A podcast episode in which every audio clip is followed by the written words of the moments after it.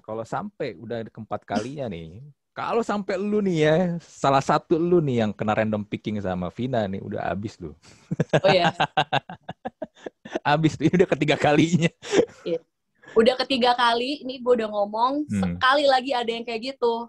Gue random aja yang paling tai nih, ngomongnya mana, jebret, gue ambil, Hmm. cuman hitungan 15 menit, nggak sampai 5 menit doang, gue udah dapat koordinatnya, apa segala macam, gue samperin orang telepon situ, udah langsung hidup.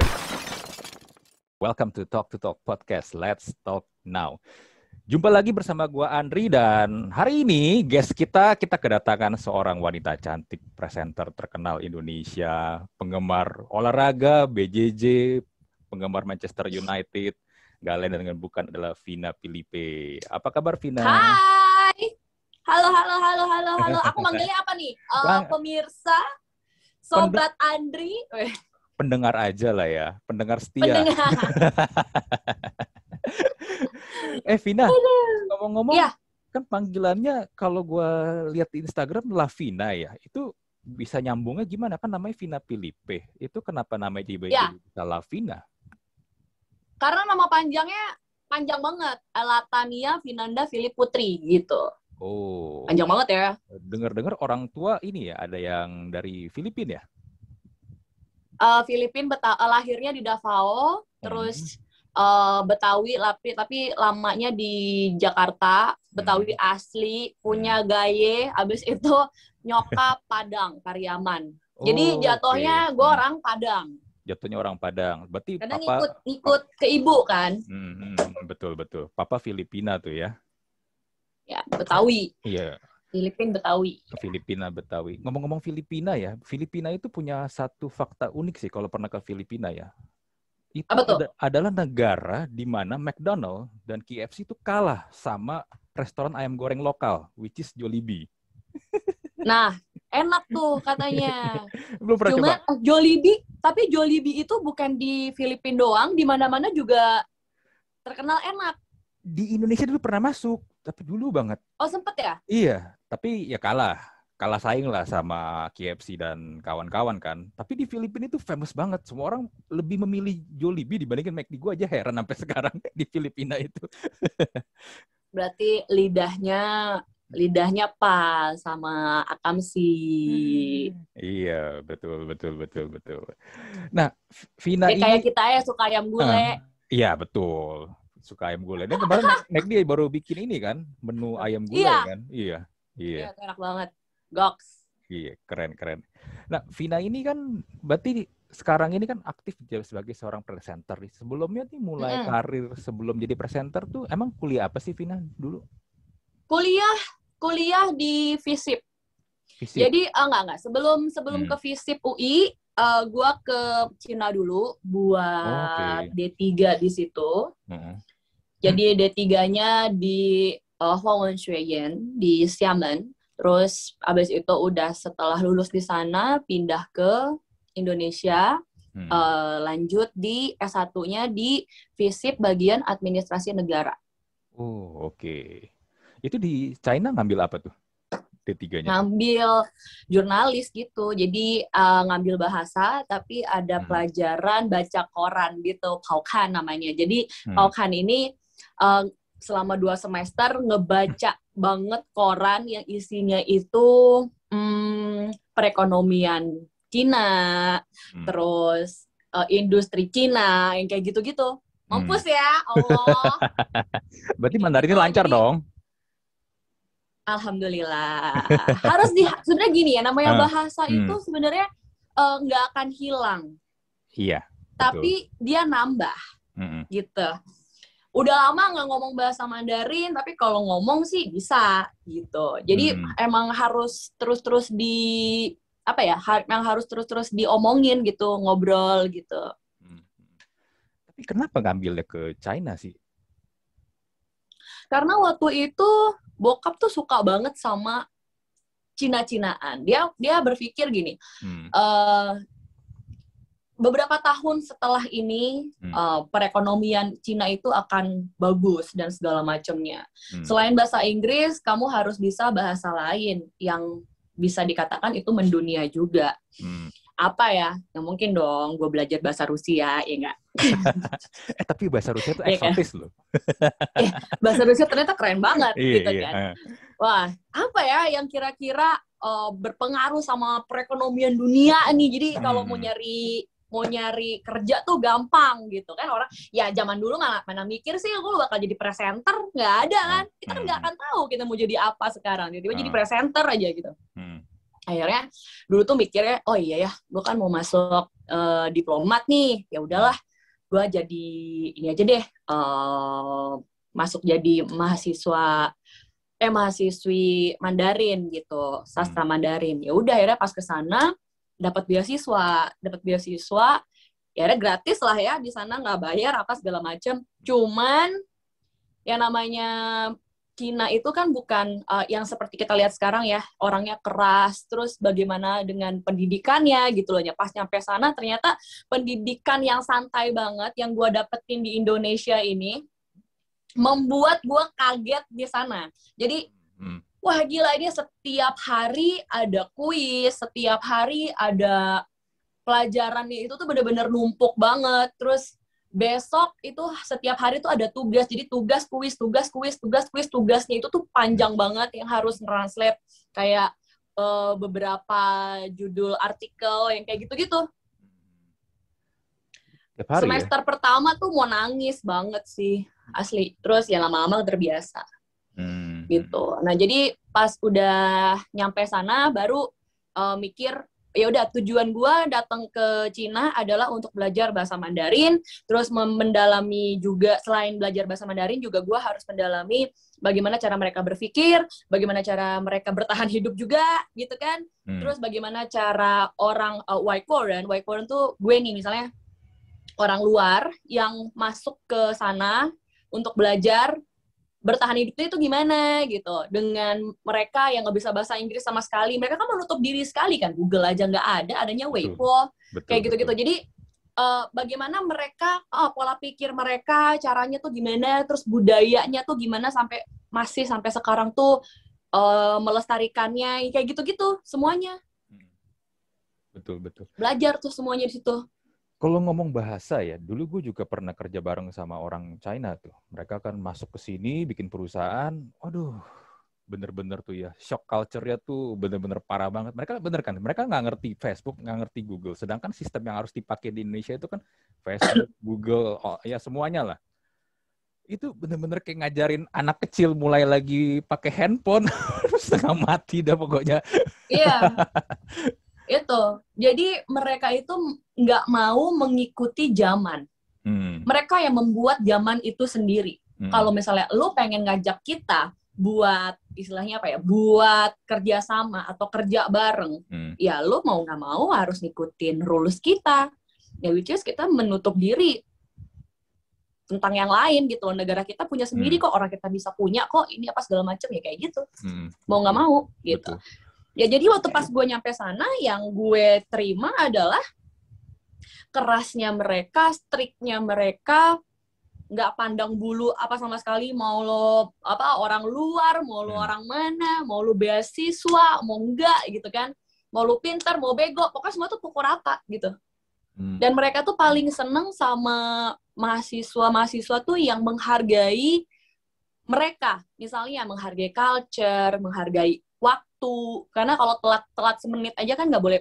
Ya Allah, mending semenit. 30 detik aja udah suruh pulang.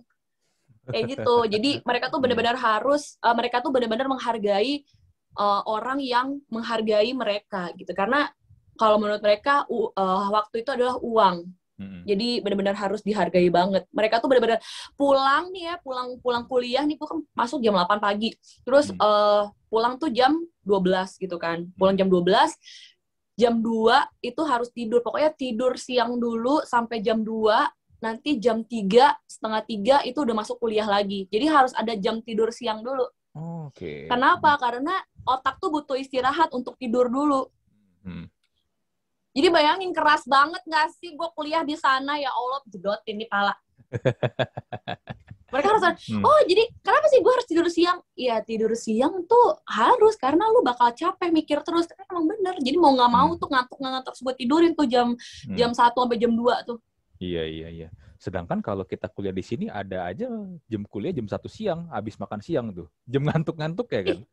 Iya, jam ngantuk-ngantuknya lu belajar gitu. Enggak, ternyata mereka ada alasan seperti itu. Jadi karena kuliah gua itu sehari itu bisa dua mata kuliah.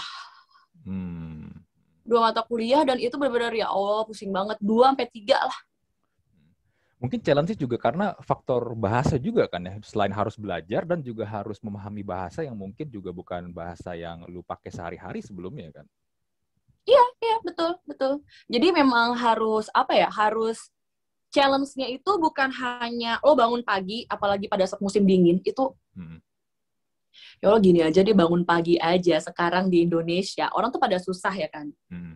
ini bisa bayangin nggak bangun pagi di Cina musim dingin minus satu gitu misalnya. Oh, iya, itu udah males banget. Hmm. Jadi tuh gue bener-bener harus ada uh, trigger nih. Wah kalau misalnya gue nggak datang, gue nggak lulus nih. Udah kayak gitu doang aja sih. Nah belum lagi udah nyampe sana harus uh, bahasanya lagi kan. Jadi hmm. kita harus uh, ada vocabnya lagi. Kita ya bagaimana dengan ha, uh, berpikir dengan otak lo yang masih dingin gitu.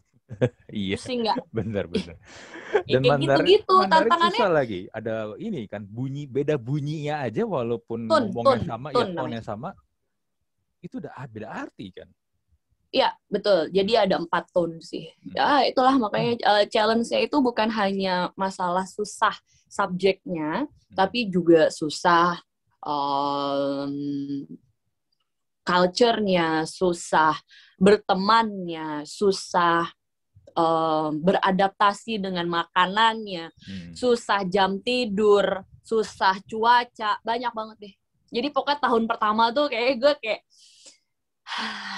mau mati nih gitu. Tahun-tahun pertama tuh ya. Iya, iya. Pernah kepikiran pengen balik gak sih? Aduh, gue balik aja udah deh, pusing gue, capek banget. Enggak. Enggak. Hmm. Pernah sih pengen mikir kayak gitu, cuman kayak um, pengen balik tuh pengen kangen orang tua aja sebenarnya nggak pengen balik nyerah ya hmm.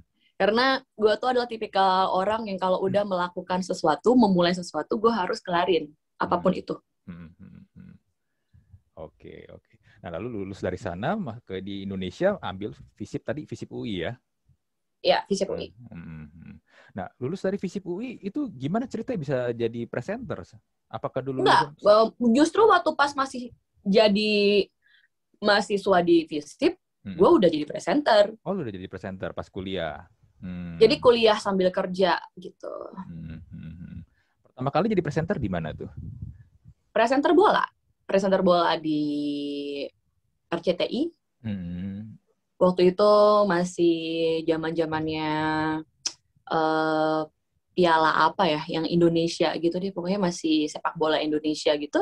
Hmm. abis itu berhenti diberhentikan kan sempat sempat diberhentikan tuh uh, persepak bola Indonesia tuh. Iya iya. Habis itu uh, kosong. Nah di antara waktu kosongnya itu um, main film. Terus waktu itu film pun juga pakai bahasa Mandarin 100% lagi ya cuma 20% doang untuk pakai bahasa Indonesia.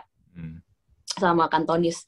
Abis itu um, jadi presenter macam-macam presenter gosip presenter uh, presenter macam-macam lah pokoknya dari dari zaman apa dari sisa-sisa nungguin sepak apa uh, eh, RCTI ngambil bola lagi gitu mm-hmm. awalnya nah terus uh, di sela-sela waktu itu gue udah nyoba-nyobain tuh jadi presenter A, presenter B, presenter C, terus banyak-banyakin ngobrol, banyakin jam terbang dan segala hmm. macamnya, main film, acting, teater, macam-macam lah semuanya. Nah sampai akhirnya gue masuk lagi, uh, eh, gue dapet jadi presenter bola. Habis dari presenter bola itu megang La Liga, Liga Champion, terus Euro 2016 dan yang lain-lainnya itu yang pegang sama RCTI. Hmm. Habis itu gue jadi presenter adventure.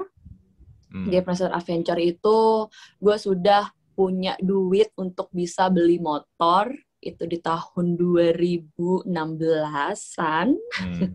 di juru beli motor karena nggak mungkin, karena nggak possible gue minta motor sama bokap nyokap gue kan, karena hmm. gue anak perempuan atau atunya mereka pasti ngomel gitu kan. Aduh kapan kita kamu tabrakan, bla bla bla bla bla gitu. Nah, hmm. jadi emang harus bela, apa harus nyari duit sendiri dulu nih untuk bisa beli itu. Hmm. Nah akhirnya pas beli uh, jadi presenter adventure, gue main motor itu baru tuh jadi gini waktu pas jadi presenter bola kan gue jadi presenter aja tapi gue nggak main bola Hmm, kan hmm, betul. eh maksudnya oke lah gue main futsal gitu tapi Hmm. different things lah gitu kan Hmm. akhirnya eh, pas udah jadi presenter adventure terus habis itu punya motor terus ini terus itu segala macam hal-hal ekstrim yang gue lakukan itu ternyata gue oh ternyata Vina itu adalah seperti ini gue kayak menemukan jati diri banget nih gitu pada saat Hmm. iya pada saat eh, punya duit terus akhirnya bisa beli sesuatu hal yang gue suka yang gue impikan selama ini Hmm. akhirnya dapet akhirnya gue bisa kerja enjoy sambil menikmati hobi gue gitu Hmm. Hmm. akhirnya jadi presenter adventure tapi tidak semudah itu ya Hmm.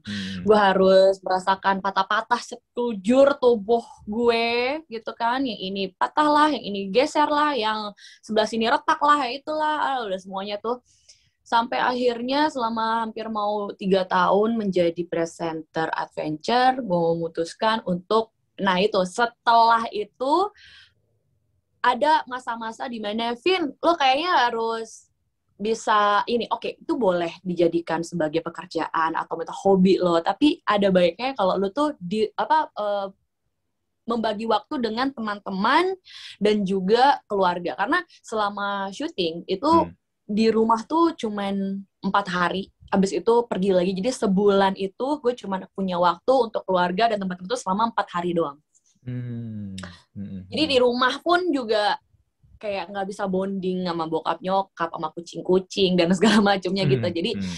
ah, selama tiga tahun lah menjadi anak hilang akhirnya ya udahlah cobalah kamu kan udah mau udah udah mau kepala tiga juga nih udahlah Hmm. cobalah kamu di rumah aja dulu atau mungkin kamu yang ayah tuh sedih ngelihat kamu tuh patah tulang ayah tuh sedih lihat pinggang kamu tuh geser gara-gara jatuh dari ini dari situ kayak Hmm. eh, oke mungkin ini juga ke ini apa doa dari bokap nyokap ya akhirnya eh, karena satu dan lain hal gue akhirnya selesai dari program yang adventure itu dan mencoba untuk eh, jadi infotainment di eh, ya di sini akhirnya setelah itu dapat beberapa kali host buat infotainment terus otomotif apalagi ya ya macam-macam lah Hmm. yang masih dalam ranahnya tuh Jakarta dan sekitarnya gitu. Iya, iya, iya.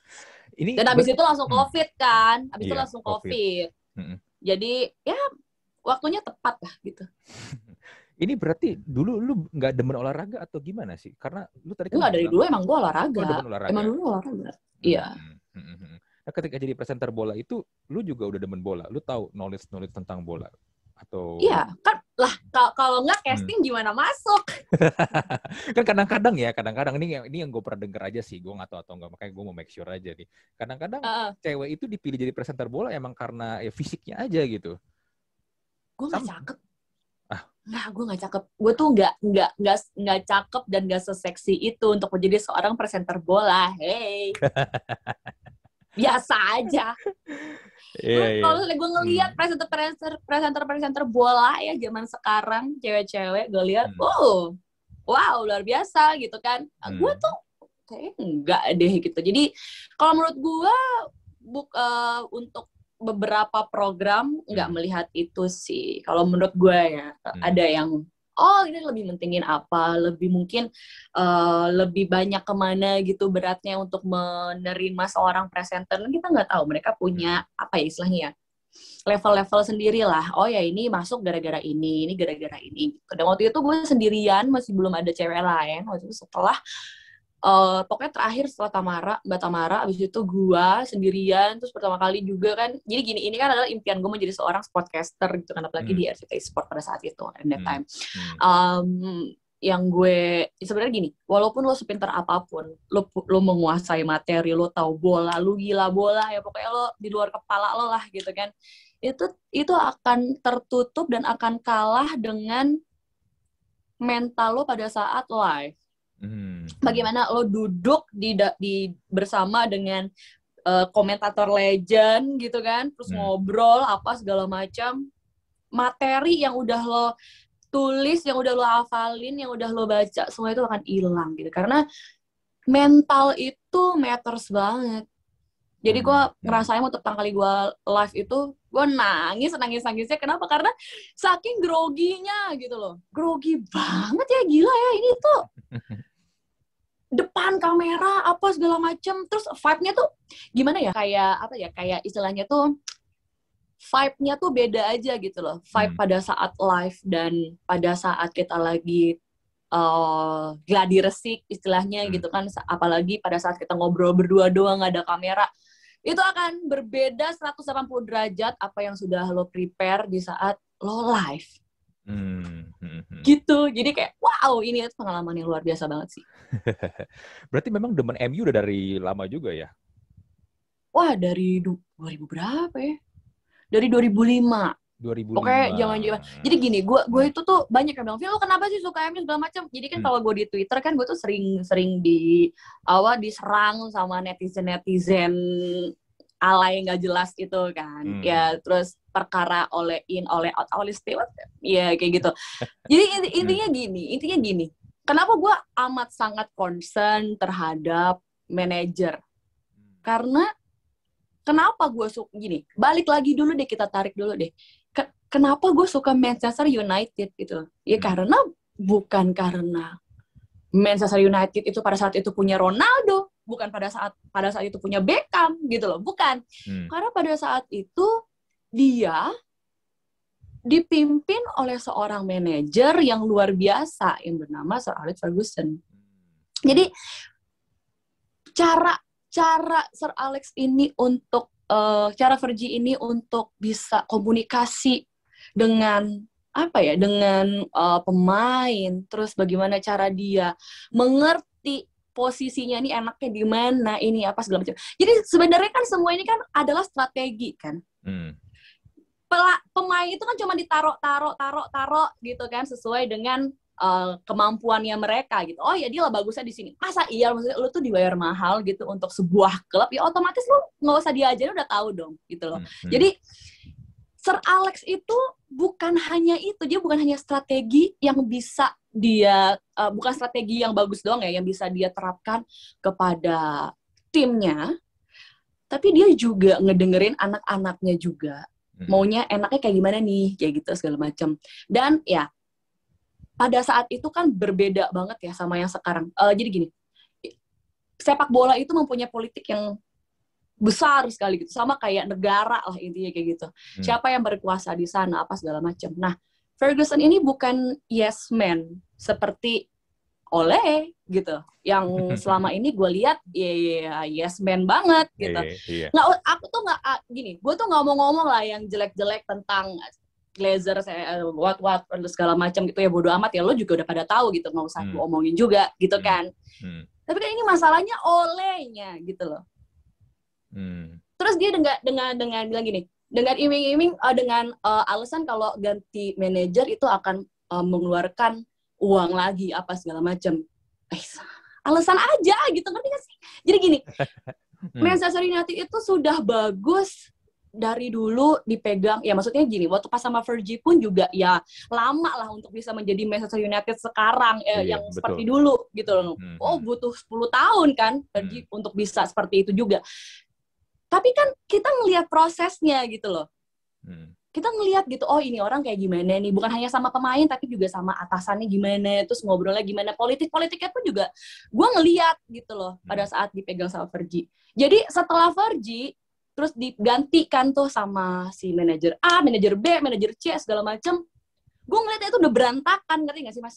Iya, ng- ngelihat banget. Udah berantakan. Hmm. Ini tuh bukan hanya sekedar main bola lagi gitu. Intinya, intinya tuh gitu. Iya, betul. Ngerti betul. gak sih Ah. gitu tapi orang-orang ini tuh orang-orang ini tuh mikirin cuman ya main bolanya aja tapi sebenarnya hmm, ya enggak ini tuh bukan masalah main bola doang ini sekarang tuh udah beda banget gitu Hmm. ya makanya ya makanya tuh memang emang tergantung sama manajer sih mau nggak mau mau ya gimana lagi gitu Nah, betul.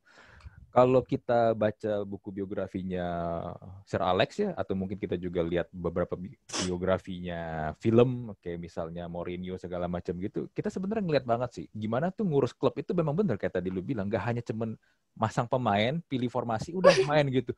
Itu bener-bener ngurusin manusia, kayak ngurusin company, ngurusin perusahaan, dan itu sangat-sangat complicated banget. Kalau apalagi kalau kalau ini ya kayak Ferguson lah, dia pernah juga konflik sama Beckham, pernah konflik Yes. sama Roy Keane. Jabstam itu Hmm. pemain-pemain bintangnya semua loh. Tapi ya dia mau nggak mau harus kasih tahu, kasih lihat. Gue bosnya, lu nggak patuh sama gue, lu out. sih Hmm. sih Iya. I- itu jadi gini mereka butuh sosok bapak bapak itu kan gini bapak itu gini deh sama bokap gitu. Gue sama bokap gue lah jauh-jauh Hmm. banget ya ngomongin bapak orang gitu bapak Hmm. gue aja deh. Hmm. bokap gue tuh sayang sama gue oh iya nah ini apa semua dikasih gitu kan. Tapi di saat gue salah dia marahin. Hmm. gitu loh. Hmm. sebenarnya tuh butuh sosok bapak gitu loh. Yang yang tegas. Yang bisa ngatur. Intinya kayak gitu sih. Nggak yang cuman kayak ah iya iya iya yaudah gue gini aja deh biar gue tetap dipakai gitu Iya. ngerti gak sih ngerti, gak sih mas Iya, iya betul. iya iya yang kayak gitu-gitu tuh gue nggak suka ya gue nggak ada masalah sama Ole tapi Hmm.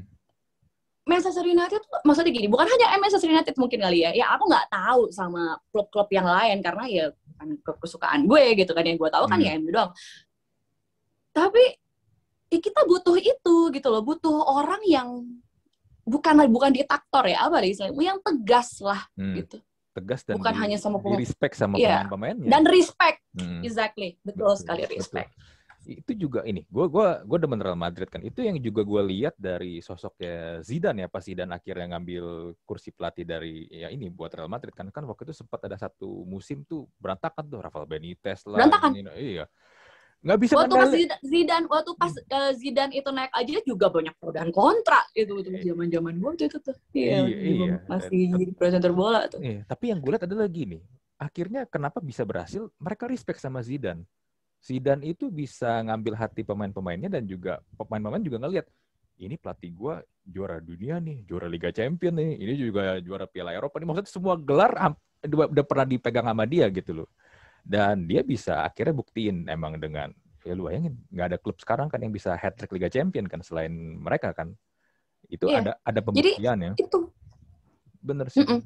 itu Dan Ya, kalau- gue tipikal orang yang percaya kalau jadi kita gini Hmm. Karena kita tuh udah capek ya kan? Kan gue kan suka Manchester United ya. Kita tuh udah capek gitu loh dua apaan sih nih? Dua apaan sih jadi kayak pengen main cepet aja gitu. Kalau misalnya oke percobaan manajer eh, satu musim gitu. Ya kalau misalnya musim ini nggak berhasil udah ganti. Ya udah ganti gitu ganti-ganti aja udah gitu udahlah kayak main cepet aja. Terus kalian bilang iya enggak dong kita kan harus ada proses ini segala macam iya yo lu lihat aja kalau misalnya awalnya udah begini lu bisa kira-kira musim selanjutnya apa gimana kan gitu. Banyak kok Hmm. teman-teman gue ngelihat banyak banget tuh eh apa eh, mantan ex pemain Manchester United yang dulu tuh sempet satu tim sama Ole juga yang komentarin kayak gimana. Gue juga oh iya gue baca-baca kan oh iya ternyata oh bukan gue doang nih yang berpikir seperti ini kayak orang-orang juga gitu ya ada yang Hmm. belain ada yang ada yang belain ada yang eh, kontra juga Hmm. gitu ya tapi ya udahlah ya kita iya. kan cuman kita kan nggak ada naro saham di situ Ah, masa iya didengar betul, gitu betul. Kita kan ya kita kaca. komentarin aja Kita fans layar kaca aja sih. kita fans layar kaca apalagi gua remah-remah rengginang siapa sih ya udah kita mah komentarin aja eh ini eh si ini begini nih oh iya komentarin ya udah gitu doang Hmm. tapi nothing to do with it gitu ya udah Hmm, hmm, hmm. Dan Vina ini kan juga suka ini ya sama olahraga Brazilian Jiu-Jitsu ya, BJJ ya. Ya. Heeh, itu mulai, kapan tuh? oh mulai tahun 2000 pokoknya 2018an akhir Hmm. itu gua mulai eh, nyoba-nyoba Hmm. nyoba-nyoba abis itu on off on off on off baru bener-bener into it banget bener-bener kayak ini gue serius deh nih sama Brazilian Jiu-Jitsu ini Hmm. itu 2019 akhir Oh, Oke. empat bulan sebelum Covid ya? Desember Menjelang Covid nggak juga empat kan bulan sebelum Desember waktu itu. Oh, oke. pas pas COVID itu udah selesai tanding Hmm. hmm. Sempet juara juga kan ya waktu itu ya? sempat sempat sempat Hmm, hmm, hmm. Kenapa pilihnya BJJ dari semua cabang bela diri Brazil? oh enggak sebelumnya gue boxing sama Muay Thai kan sempat tanding-tanding juga itu Hmm. boxing Muay Thai sempat sempat tanding apa segala macam tapi yang ngerasa kayak kayak gue harus main ground deh biar tahu kalau misalnya ya at least cewek gitu ya kalau Hmm. misalnya lagi amit-amit mau diperkosa kayak mau diapain kayak itu pasti kan lo di bawah, di atas laki yang lebih berat dan segala macam gitu kan. Hmm. Gimana cara Hmm. escape-nya, gimana cara ngebela dirinya apa segala macam ya. At least gue bisa mencoba sesuatu untuk melarikan diri gitu kan atau buat dia capek atau buat dia kesel atau mungkin nyelakain dia atau ngelukain dia gitu kan daripada gue Hmm. teriak-teriak ah gitu-gitu doang. Jadi pas pada saat itu apa nih Hmm. yang yang kira-kira gue bisa eh, menang sama man- apa ya man gitu kayak Hmm. satu lawan satu gitu kan Mm. pas gue cek-cek jujitsu oh ya udah oke gitu jadi gue belajar jujitsu gi and no gi Mm-mm. Mm-mm. Dan tapi begini, kan ke gue juga follow Instagram lo ya. Belakangan ini kan mungkin ini kedua kalinya lagi ya, lu marah-marah dan komplain terhadap komen-komen orang yang tiga tiga ini Tiga ketiga, ini tiga kali, oke, ini ketiga kalinya. Lu jadi marah-marah bayangin kan warga Hmm. Indonesia nih gobloknya kayak gimana Iya. tiga kali tiga kali terhadap komen-komen cowok-cowok yang, aduh gue juga gimana ya, gue juga ngeliatin menurut gue ini cowok-cowok ini goblok ya memang ya. Maksud gue, Nah. gue gue gue nggak ngelihat apa apa yang salah dengan foto lu gitu ya. Mungkin lu lagi sedang ini ya sparring sama yang cowok ya, atau mungkin juga lu lagi sedang foto foto lu lagi pakai gi giginya ini kan eh, apa berbersihin jujitsu kan. Maksudnya ya udah itu foto biasa aja.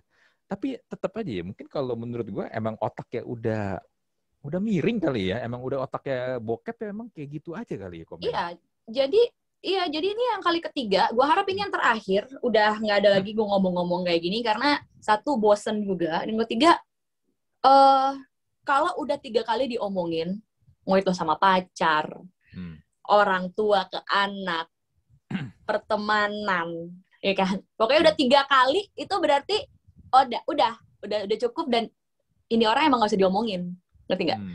Tapi at least di, dikasih tahu nih kalau kita itu nggak nyaman Hmm. dan kita sudah memberikan kesempatan selama sebanyak tiga kali. Hmm. Yang pertama itu gue komplain di Twitter, Hmm. jebret jebret jebret jebret di Twitter. Udah. Abis itu aman tuh. Paling enggak udah sa- sampai sekarang waktu itu kan gue bener-bener komen di komen ini kan emang kayak nggak senonoh banget kan pada Hmm. saat di foto gue tanding gila kali lu maksudnya foto gue tanding Hmm. itu kan cewek sama cewek Hmm. foto cewek sama cewek aja dikomenin aneh-aneh jadi satu yang gue tahu di sini kesimpulannya adalah nggak nggak perlu gue ngerol sama cewek ataupun cowok gue tetap di komen aneh-aneh kalau gue posting foto jujitsu atau video jujitsu Hmm.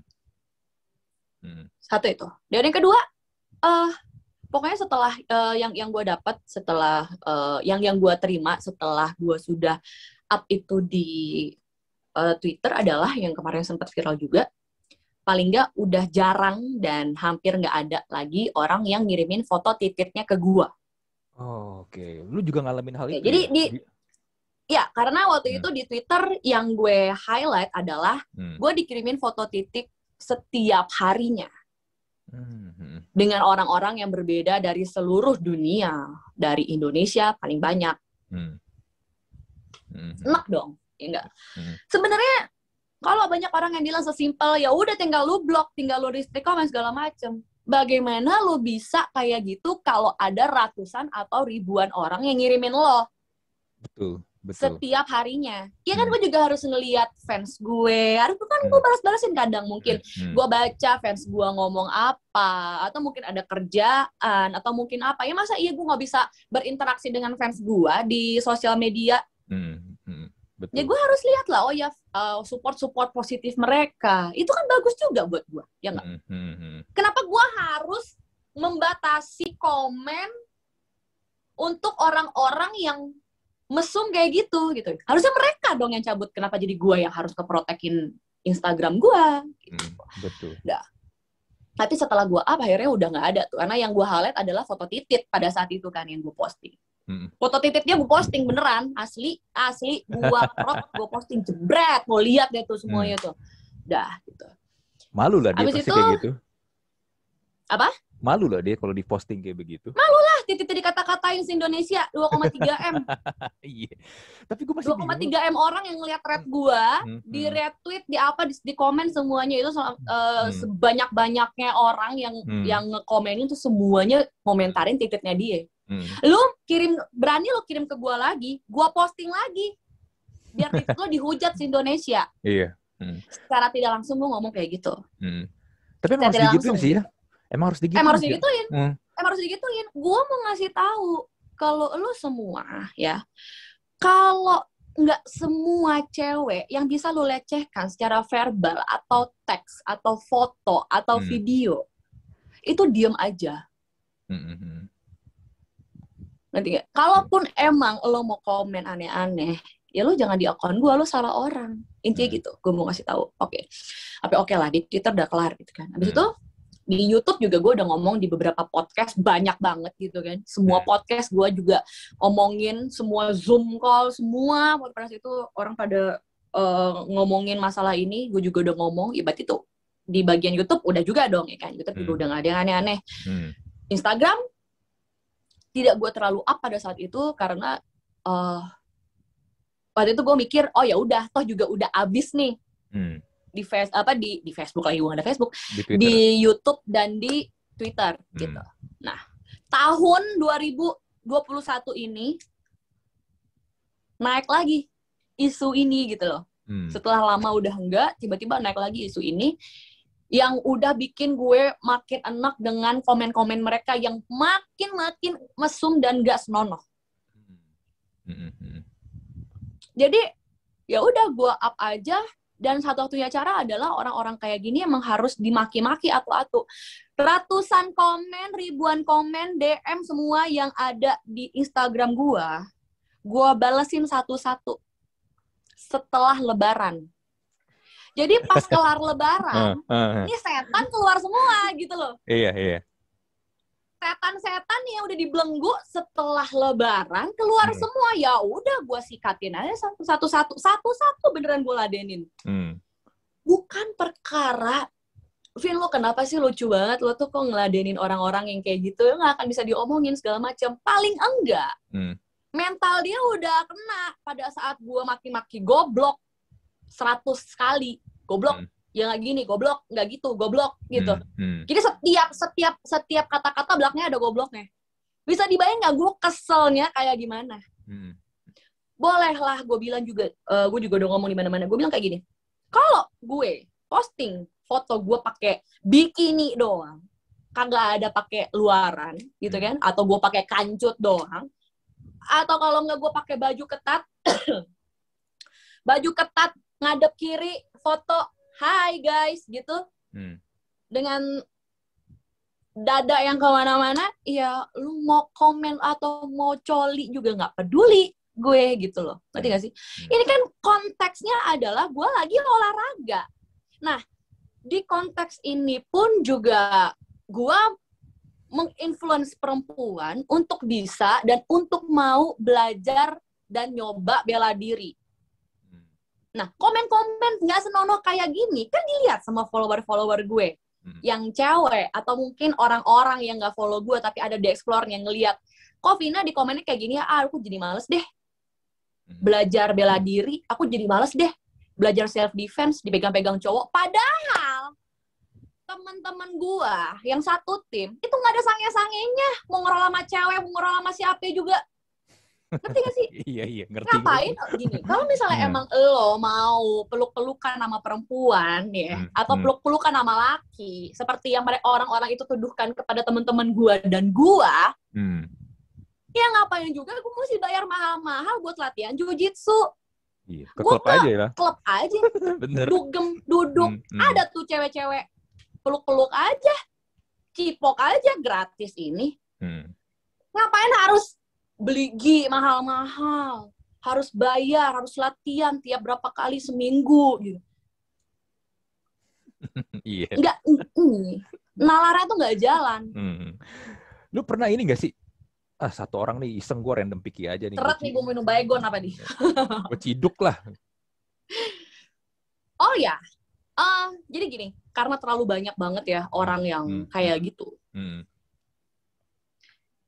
Jadi gue mau nyiduk ada itu pakai akun beneran loh jadi bukan hanya akun bodong yang komen Hmm. kayak gitu ke gue Hmm. tapi akun beneran pun juga ada Hmm. tapi selama dia masih di dalam batas wajar gue nggak masalah Hmm. jadi so far masih ngomonginnya ya mesum-mesum ecek-ecek lah gitu. Cuman Hmm. ganggunya adalah eh, dia udah parah aja gitu. Bahwa oh, maksudnya parahnya adalah ratusan aja gitu, makin banyak lagi aja yang komen gitu. Hmm. Tapi kan cuma pendek-pendek gitu kan, nggak yang kayak bener-bener oh, ngatain banget atau mungkin mesum banget sampai harus kayak gimana ngerti gak sih? Nah, Hmm. kalau menurut gua alibi gua untuk bisa menciduk ini orang masih belum terlalu kuat gitu. Nah, Hmm. nanti kalau misalnya lu mas ngelihat gua ngeciduk orang di sosmed gua, itu Hmm. berarti itu orang udah parah banget. Walaupun yang lu lihat sekarang di sosmed gua komennya udah parah. Hmm. Berarti ini lebih parah Ya kan, lagi kan nih kalau sampai diciduk nih. Berarti kalau misalnya ada orang yang gue ciduk, Hmm. berarti ini udah nggak ada otaknya. Ini udah kalau otaknya tuh ya, Hmm, nih hmm. kepalanya nih ya, kepalanya kalau digoyang-goyangin bunyinya gini. Nggak ada otaknya. Aduh, kopong, kopong, kopong Kopong. gitu. Nah, iya. Kuluk, kuluk, kuluk, kuluk, kuluk, kuluk, kuluk, gitu. Eh, kok nggak ada otaknya? Kuluk, kuluk, kuluk, kayak gitu. Hmm. Nah, udah. Jadi kalau misalnya gue sampai sampai nangkep, berarti ini orang udah keterlaluan Hmm. banget. Dan emang emang wajib digebukin sih. Ini ya yang gobloknya gini loh kalau menurut gua. Mereka berpikir ya dengan hanya komen di internet, mereka berpikir tuh nggak bakal ketahuan, nggak bakal kecari. Padahal sebenarnya ketika lu udah connect di internet dan lu komen, lu mau pakai akun bodong kayak mau akun samaran kan lu bisa di track tuh gampang banget. Mm-mm. Justru dengan lu connect Gampang. eh dengan lu connect di internet, lu pegang smartphone, lu tuh justru lebih gampang di di, di detect dibandingin lu pakai zaman dulu ingat kan ada namanya surat kaleng kan. Hmm.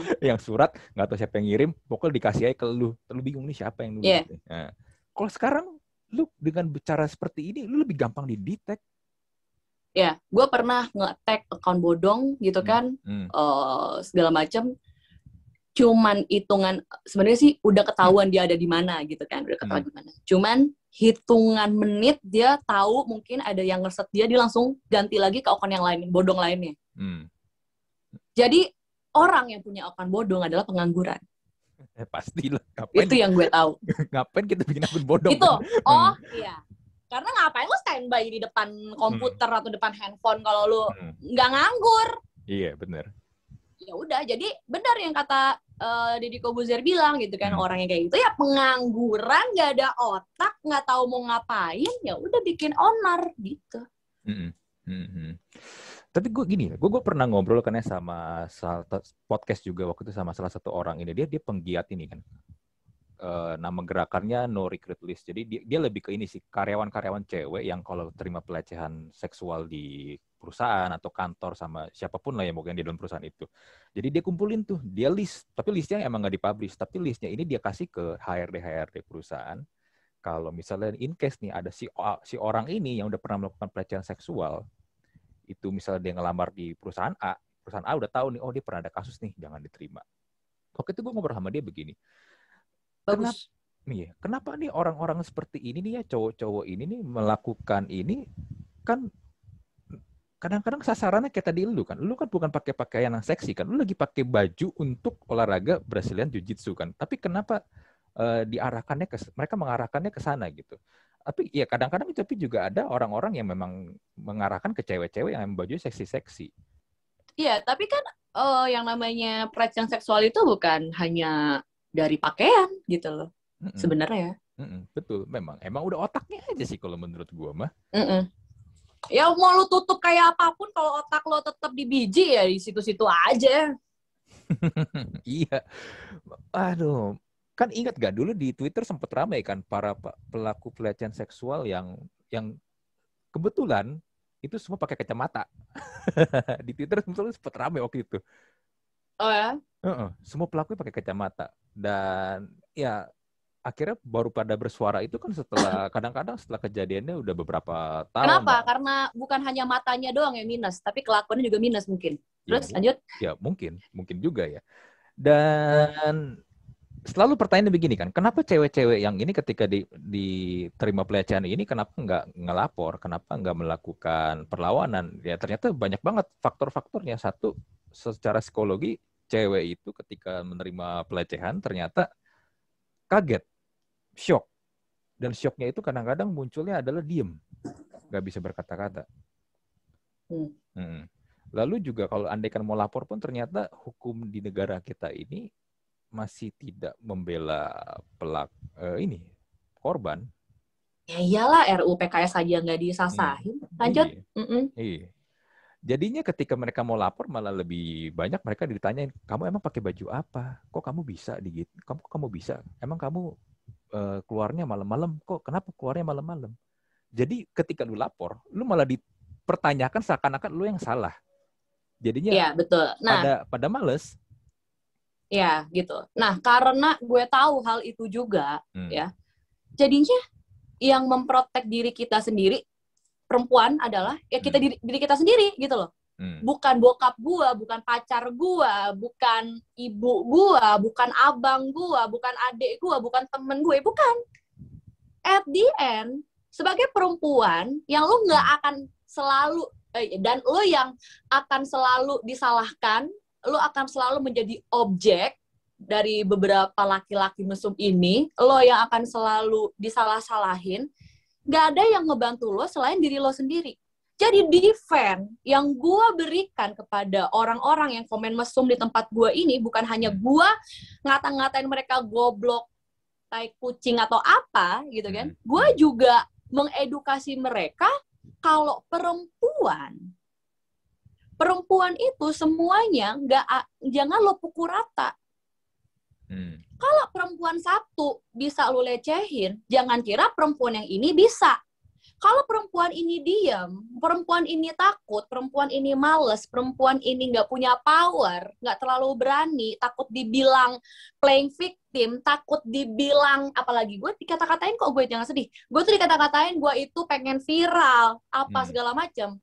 Jadi takut kan, jadi males gitu loh untuk speak up. Hmm. Nggak dengan perempuan yang ini. Dan perempuan ini adalah gua. Hmm. Gua nggak peduli lu ngomong apa tentang kasus ini. Yang jelas pada saat lu sudah masuk ke sosmed gua, ya itu lu harus ikutin rules gua.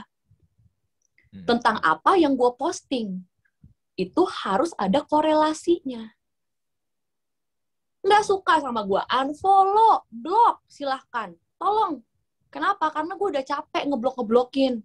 Tapi gue sadar ini tuh bukan hanya perkara block unfollow, bukan. Di saat di blok dia akan kayak gitu lagi di sosmed perempuan lainnya. Hmm. Tapi apa yang sudah mereka tab- eh, mereka dapat pada saat gue maki-maki, pada saat follower-follower gue maki-maki mereka, pada saat mereka ngelihat podcast gue, pada saat mereka ngelihat gue marah-marah di Instagram, di story, di Twitter, apa yang mereka dapat? Gue mau pada saat mereka sudah selesai ngeliat apa yang udah gua ungkapin semuanya, mereka otaknya tuh mikir dikit, oh iya ya, ternyata nggak semua cewek nih bisa gue komen aneh-aneh.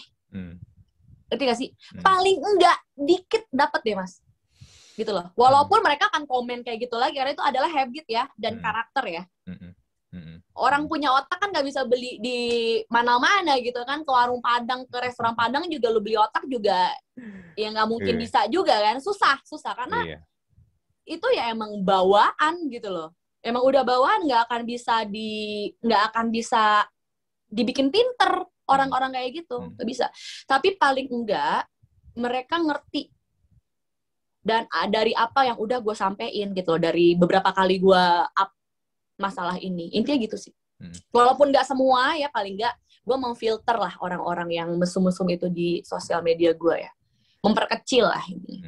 Gue bingung gini loh. Kita kan sebenarnya gini, kita kalau dulu sekolah kita sering diajarin adalah kalau bangsa Indonesia itu adalah bangsa yang ramah dan sopan. Ya kan? Tapi Oh nggak ada tapi nggak ada eh gue nggak nggak pernah ngelihat itu lagi sekarang di maka- sosmed Iya, makanya kan ini gue jadi bingung loh. Dengan tindakan-tindakan begini berarti kan menunjukkan ternyata banyak sekali orang-orang di negara kita ini tidak sopan kan. Iya. Hmm. Ini memang apakah sebenarnya karakter asli orang-orang kita ini seperti ini baru kelihatan aja gara-gara emang ada sosmed. Nah, sosmed itu kan boleh dibilang itu nge-cut boundaries kan. Kalau dulu kita suka sama cewek, kita suka sama artis atau suka sama siapa gitu, kita nggak bisa nih komunikasi susah nih. Gimana kita caranya mau kontak dia? Gimana kita caranya mau ngomong sama dia? Iya, bagaimana caranya adalah cari perhatian dengan Hmm. komen aneh-aneh yang which is lo salah besar. Mm-mm. Iya. Sekarang Bagaimana lo di gini, lo misalnya ngefans sama gue banyak yang bilang, oh Vina, gue ngefans sama lo, Hmm. tapi kalau kata-katain gue segala macem, Mm, bagaimana rasanya lo dikata-katain sama idola lo sendiri? mm, mm, mm. Wow, Gila. Ada yang sampai minta-minta maaf sama gue. Hmm. Dia bilangnya kalau dia tuh ngefans sama gue dari zaman dulu pas segala macam. Fans tuh nggak kayak gitu. Fans itu mendukung secara positif apa yang gue lakukan. Hmm. Bukan mengomentari hal negatif itu namanya juga. Itu bukan fans, itu namanya follower abal-abal. Iya. Ya, Iya nyari kan? perhatian doang bener. Nyari Nyari, perhatian bu- doang. pertama itu ny- Hmm. nyari-nyari perhatian, nyari perhatian satu, dan yang kedua ya yang kedua adalah ya mereka semakin sosmed sosmed itu semakin memperlihatkan bentuk manusia dan warna manusia secara apa ya secara teks lah ini kayak gitu Hmm. secara teks secara gambar gitu kan kita posting secara mungkin eh, video mungkin secara visual jadi kita tahu oh ini orang ternyata aslinya kayak begini ya kayak begitu ya gitu ngerti gak sih ya kalau Hmm. misalnya orang kayak gue kan gue orangnya diem-diem aja nih sebenarnya di sosmed nggak pernah aneh-aneh kan. Hmm. nggak pernah viral pengen ini pengen itu ngapain gue gitu. Gue nggak males gitu loh karena gue tipikal orang yang males ngeliat-ngeliat komen-komen balas-balas balas-balas sosmed itu sebenarnya gue males. Twitter aja nih ya Hmm. twitter Hmm. itu nggak ada yang gue baca. Jadi komen-komen orang ini yang ngata-ngatain gue bani oleh out ini gue tuh nggak pernah gue bacain. Kenapa karena twitter itu tempat gue ngeluarin unek-unek gue Hmm. Hmm. ah gue begini ah begitu ya udah dan itu juga untuk eh, berinteraksi dengan follower-follower gue yang sama-sama suka Manchester United dan yang sepemikiran aja gitu. Hmm. Kalau untuk tweet warna segala macam, gue sih nggak pernah ngurusin gitu. Hmm. Untuk orang-orang yang pengen pansos dan orang-orang yang pengen di dilihat banget itu caper banget kayaknya di sosmed tuh nggak pernah gue liatin. Karena gue bukan tipikal orang pengangguran ya, yang suka ngeliat-ngeliat handphone gitu tuh. Iya. Jadi tuh handphone tuh gue taruh aja. Terus gue Hmm. nonton Netflix, gue nonton apa, gue jujitsu. Jujitsu aja gue 5 jam. Hmm. Nonton Netflix gue bisa satu season gitu. Gue jarang ngelihat handphone sebenarnya. Jadi setiap gue posting, jebret, gue tinggal. Hmm. Kemarin gue ladenin, waktu pas yang jujitsu tuh gue ladenin. Kenapa? Karena lagi libur. Hmm. Lagi libur, gue lagi nggak ada syuting. Terus gue gue nggak latihan. Terus satu-satunya yang uh, gue lihat notifikasi itu adalah komen itu dan semua komen ratusan komen pertama sebelum gue ngomel-ngomel adalah komen mesum. Hmm. Wah, langsung urat gue putus nih, saraf gue semiliar. Uh, dia langsung kata-kata jebret, jebret, jebret, jebret daripada gue makan hati gitu kan. Mendem-mendem kagak Hmm. jelas, gue kata-katain aja nih follower-follower abal gitu. Hmm. Iya, tapi menurut gue memang harus ada ini sih ya, shock terapi sih ke, at least lu random, random picking lah salah satu, Menurut lo Mas. Andre, Ah, menurut lo Mas Andre, yang gue lakukan udah bikin shock terapi belum sama orang-orang yang komen di postingan gue? Kan lu pasti, wah, lu baca komen, lu baca komen gue juga dong. hmm, gue lihat komen lu. Kan gue komen, lu pasti baca lah orang gue balesin atu-atu. hmm, gimana ya? Mungkin akan ada shock terapi ke sebagian mereka, tapi nggak akan bisa bikin mereka stop juga sih, karena gue yakin akan muncul Karena lagi. orang baru akan selalu Iya, ada. Orang baru akan selalu ada, bener. Tapi tetap sih menurut gua harus ada message yang perlu lu sampaikan sih. Atau mungkin nih, gua gua gua nggak tahu lah ya. Mungkin misalnya lu, message yang udah message message yang udah gue sampaikan sih udah cukup di beberapa podcast dan Hmm. uh, apa ya di beberapa podcast dan media-media yang Hmm. wawancara gue kemarin beberapa hari terakhir ini Allah pusing banget gue itu udah sih harusnya sih udah cukup ya aduh tapi kan orang bego tapi kan orang bego kagak dengerin orang pinter kalau ngomong ya kagak baca juga kan mana mungkin orang bego baca gitu gimana Menurut- dong Mas menurut Andi? menurut ya, lu orang-orang yang kayak begitu dengerin podcast gak? ya enggak lah Enggak mana kan? masuk Enggak kan? Ya makanya a- agak susah makanya. Kalau nggak gini nih, dulu kemarin belum lama nih si Dokter Tirta tuh ini sih pinter sih dia. Dia nggak ciduk, tapi dia bikin bounty hunter. Orang-orang yang ngatain dia. Botihan. Ini Monty Hunter nih, ini di di screenshot sama dia kan di terus di post di Instastory dia. Ini orang udah begini-begini ngomongnya kasar pokoknya. Siapa siapa pun yang bisa menemukan orang ini eh, alamatnya di mana bla bla bla bla gue kasih berapa juta. Uh, langsung rame. Nggak lama dalam sejam ketahuan orangnya ini, orangnya ini dokter Tirta. Udah, udah, udah, udah, udah. Nggak lama orangnya minta maaf tuh. Gue ngomong kayak gini ada Hmm, nih ada ada satu komenan hmm, eh, di Instagram gue duh mana ya tuh gue bilang dia bilang kayak gini hmm, maaf Kak Vina, aku salah, aku ini, ini, ini, ini. Karena dia udah diserang sama follower-follower gue yang pinter ini ya. Hmm. Udah, udah, udah gue maki-maki, terus udah sekali doang, abis itu follower gue kayak, goblok lo, gini, gini, gini. Udah gitu kan, udah dibully lah intinya dia kan. Hmm. Minta maaf Kak Vina, gue, aku eh, komen kayak gini, apa segala macam, aku gak ada maksud, aku cuman ini iseng, bla bla bla. Gue cuman balas apa? Gue cuma gue cuma balas kayak gini. Nggak usah lo minta maaf sama gue. Udah telat lo cari gua di akhirat. Jadi di Hmm. akhirat, Hmm. pas dia lagi dibakar-bakar nih ya, di neraka, ya, Hmm. Hmm. yang katanya lu tahu agama ini ya, karena dia ngobobo agama nih sama gua nih kan, Hmm. kata-katain. Ya, ya pokoknya dia ngobobo agama lah, gua udah paling benci banget ngomong gini, ngomong-ngomong agama. Udah dia kata-katain gua pas segala macem ya, Hmm. Hmm. Dia udah di oh, dia udah lagi lagi dicekek nih kan udah dibakar gitu segala macam. Terus dia mau masuk surga wah dia mau masuk surga nih. Udahlah kamu sudah dibersihkan semua gitu kan. Ini di akhirat nih ceritanya nih Hmm, POV-nya nih ya kan. Udah kan. Masih mau masuk surga eh sebentar kata malaikat. Kamu belum bisa masuk surga kamu masih ada satu orang yang kamu dulu pernah sakitin dan belum kamu maafin.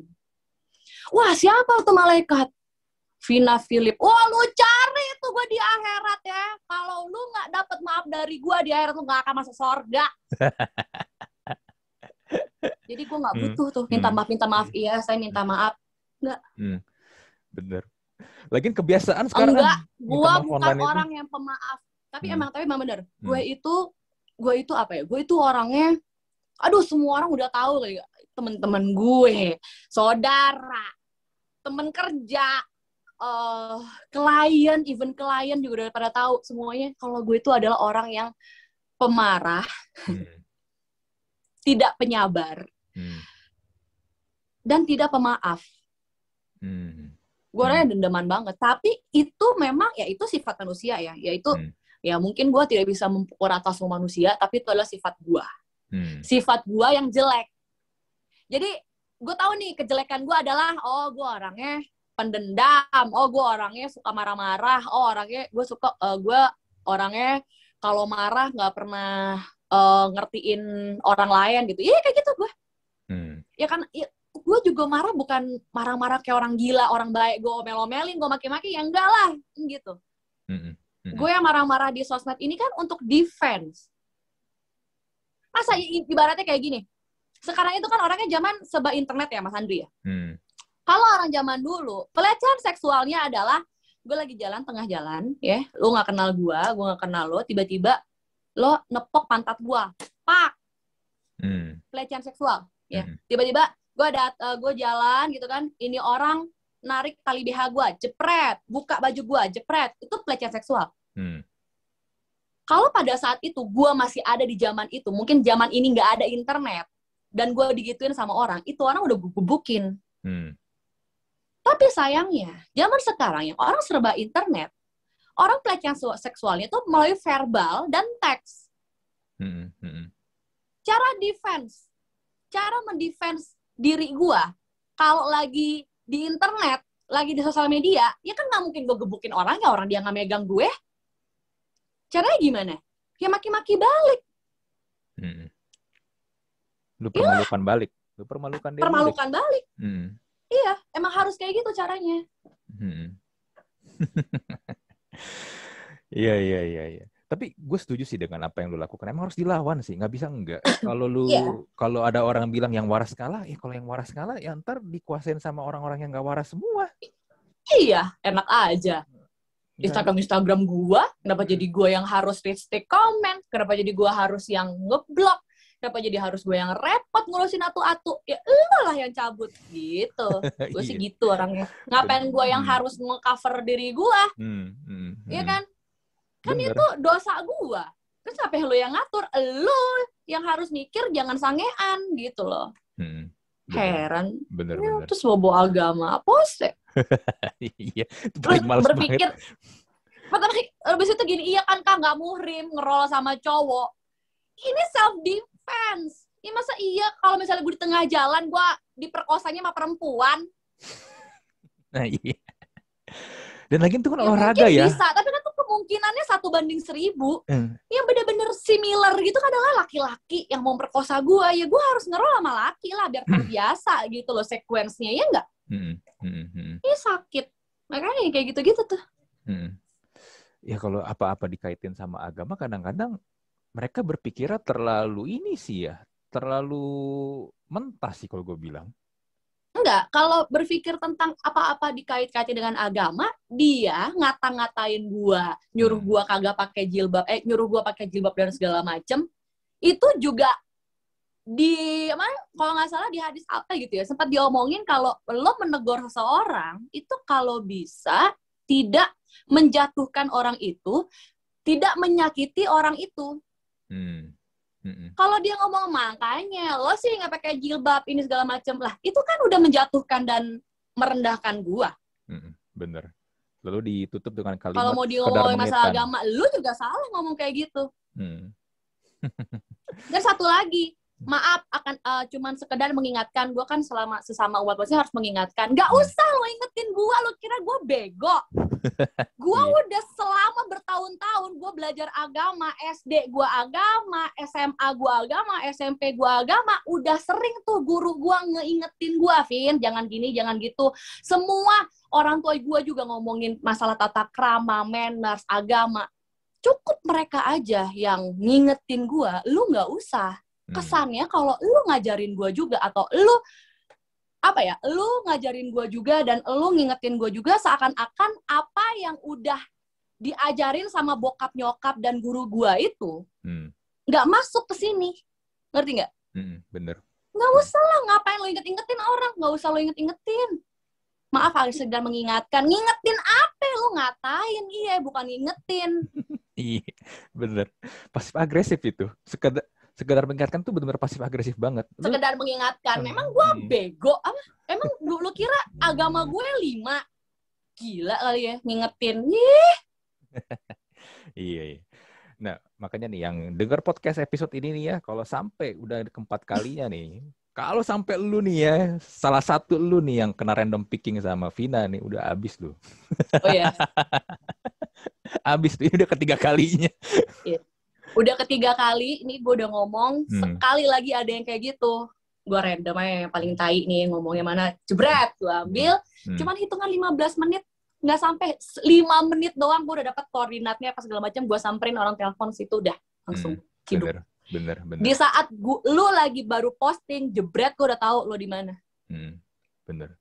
Jangan dikira lu pakai handphone gitu lu nggak ketahuan, lu bersembunyi di balik handphone. Iya. Gampang banget lu ketahuan. gampang banget gila ah kayak gitu Jangan sampai lu tahu-tahu udah Gampang. masuk polsek aja lu. iya Oke, masuk Devina. polsek Hmm, gimana? ma- polsek? masuk masuk polsek bukan hanya mentalnya lagi yang kena ya Hmm, wah itu semua udah habis. dah lu. sebadan-badannya kena itu Sebadan badannya kena lu. Kayak yang kemarin tuh yang menghina siapa tuh yang kapal selam ya? Yang Oh, iya. sempet komen apa katanya, wah Aduh, ini gua ada gua, ti- otaknya. gua tidurin bini-bini lu karena lu orang udah pada eh, ini apa gugur. Uh, langsung di- diciduk lu sama tentara lu mampus.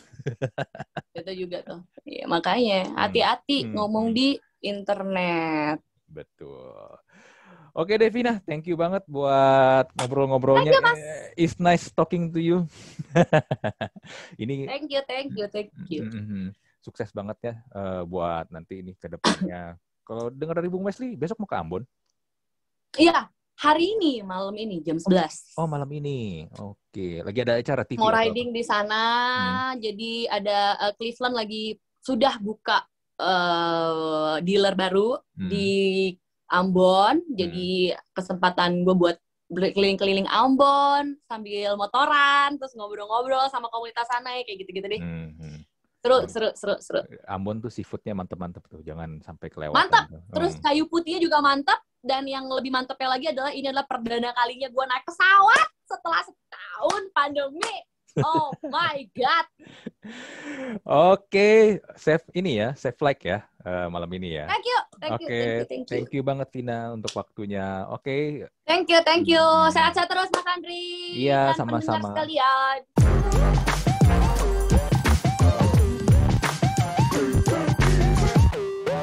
you.